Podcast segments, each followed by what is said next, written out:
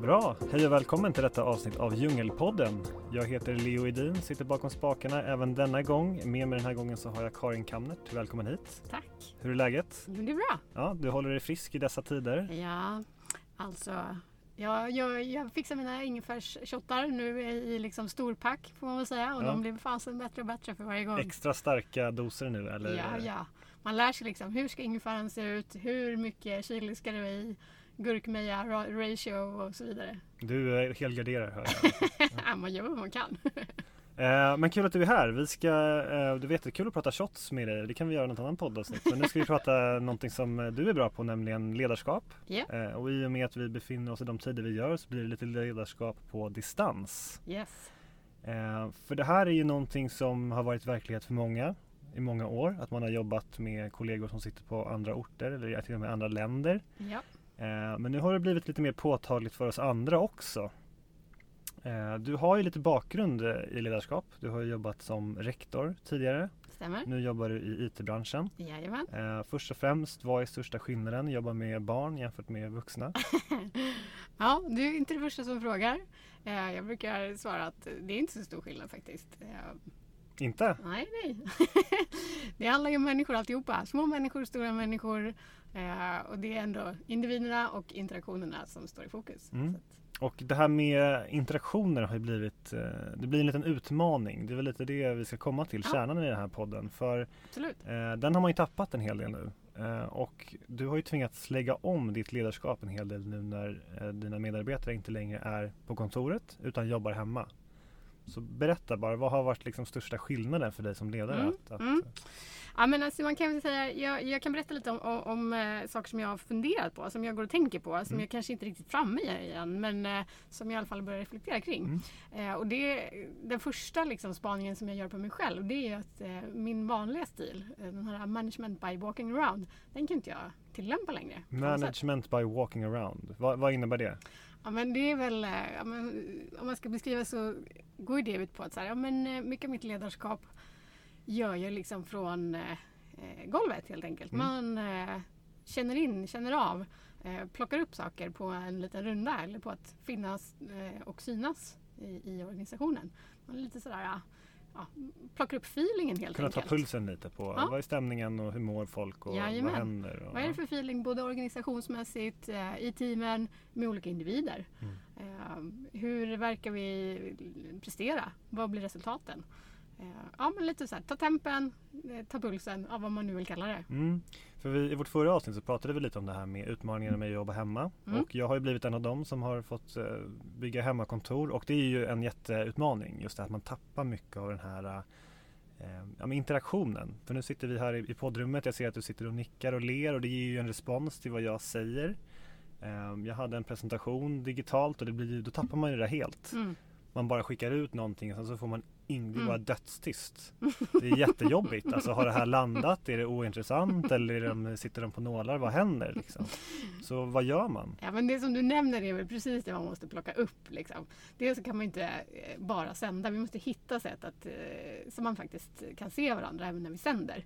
Eh, det som du pratar om är lite så här, seminarieformen kanske, eller webbinarieformen.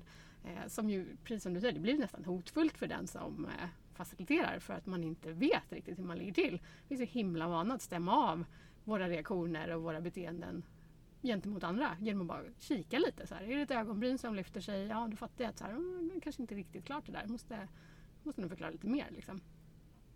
Eh, och det är väl precis det man får kika på nu. Eh, hur kan man åstadkomma det där ändå?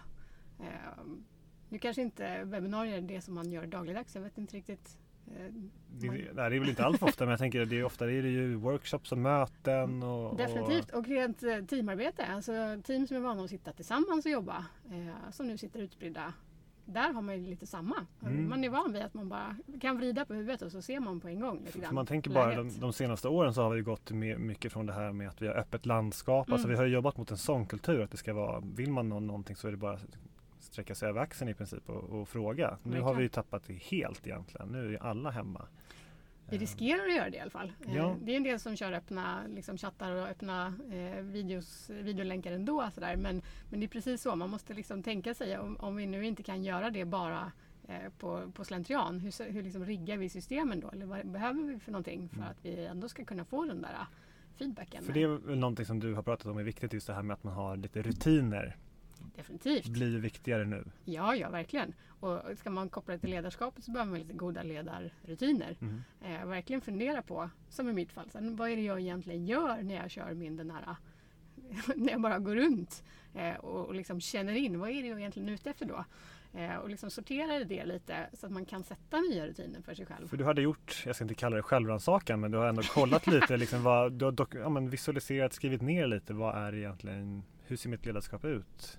Till vardags? Eh, ja, men jag har påbörjat lite tänkande ja. i det. Och sen så mm. hur ska man föra över det lite digitalt? Mm, så det är väl ett, bra ställe att börja tänker jag om man är ledare. Definitivt. Att man kanske börjar med att tänka efter. Vad, hur ser mitt ledarskap ut till vardags? Och sen så för sen kunna veta hur man ska föra över det i den digitala världen. Ja men verkligen, man behöver kika lite på vad har jag för uppgifter och vad är det jag gör och hur kan jag, alltså särskilt nu så behöver jag kanske vara en ännu tydligare och mer närvarande ledare för mina eh, medarbetare som ju faktiskt eh, sitter mycket mer isolerade. Mm.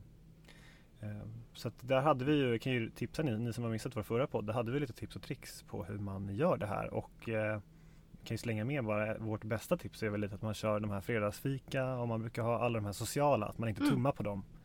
Eh, för det blir ju lätt, man blir ju eh, betydligt mer isolerad. Så det är jättetrevligt att köra de här videomötena även om man bara tar en kopp te och, och snackar. Liksom. och där fyller du ju ett annat behov, det är ju det här att man känner sig sedd och hörd. Ja. Eh, och det måste man jobba extra med. Mm. Eh, och framförallt då kanske ja, men lite som vi var inne på i början här, kanske överdriva det här med att le lite och, och verkligen ge, eh, ge ordentlig respons. Liksom. Mm. Om man inte ser så mycket och sen så har man ett kort tillfälle och man ses lite halvdant på en skärm. Så här, men det är liksom, vi små, eh, små figurer på en skärm. Så kan man kanske överdriva sin mimik lite nästan. Hur, hur mottagliga tycker du att dina medarbetare är? För jag har ändå märkt eh, för egen del att, att eh, när det är webbmöten nu så folk är mycket mer eh, belägna, vad säger man?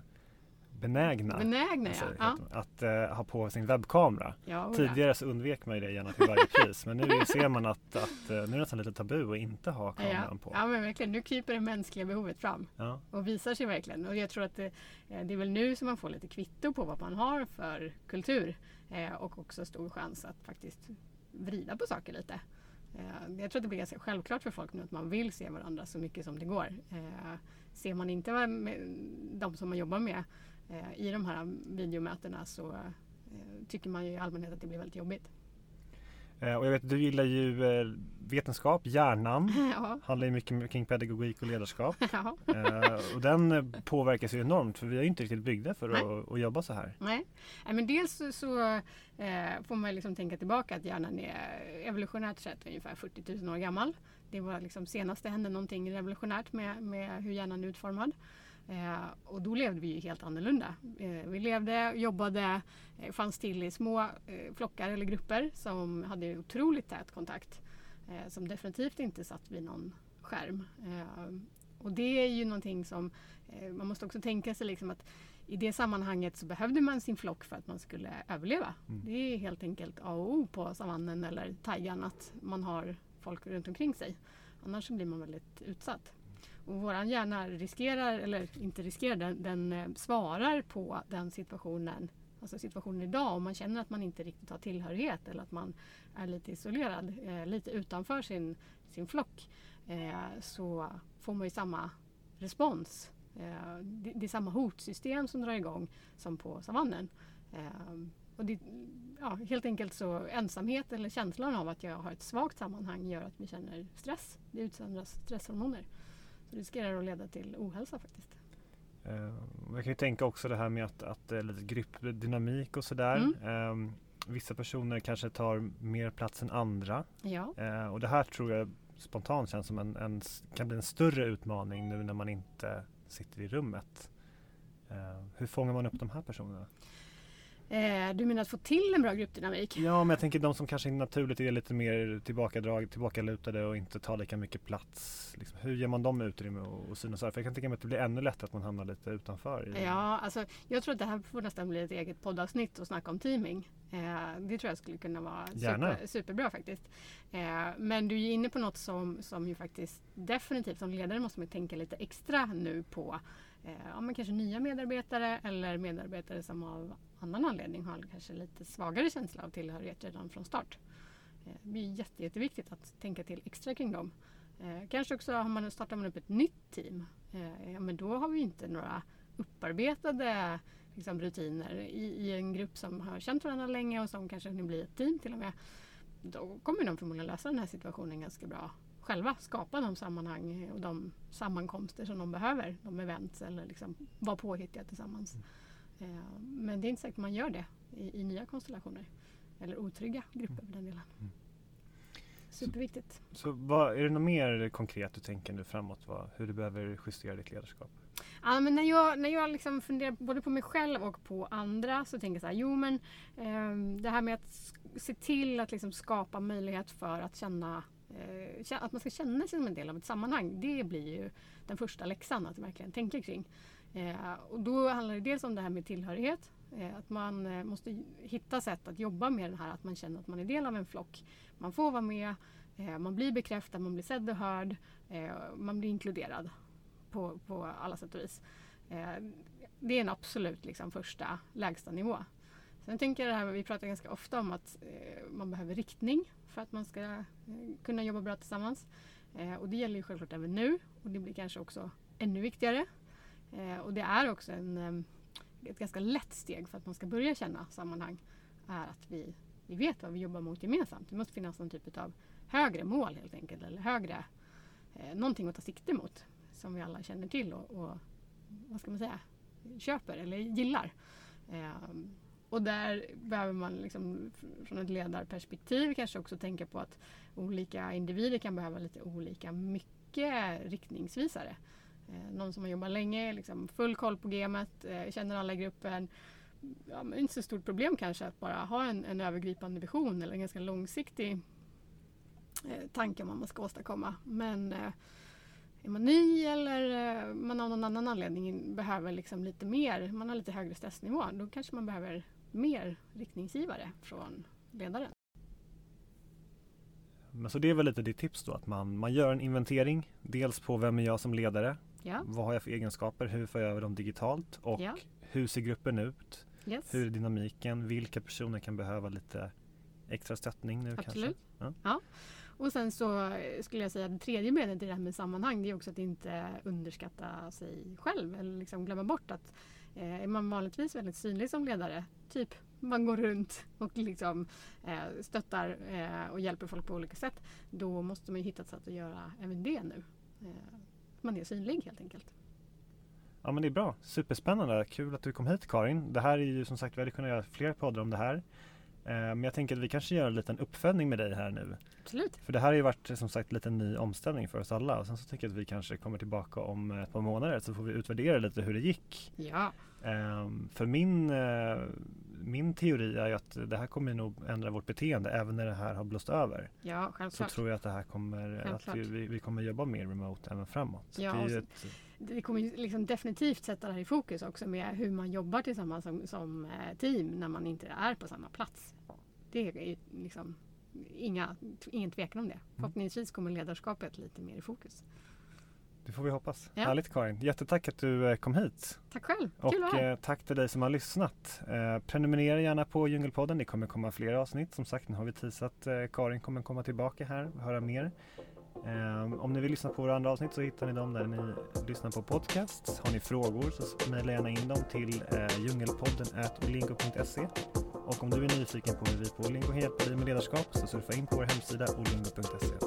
Tack så mycket så hörs vi nästa gång.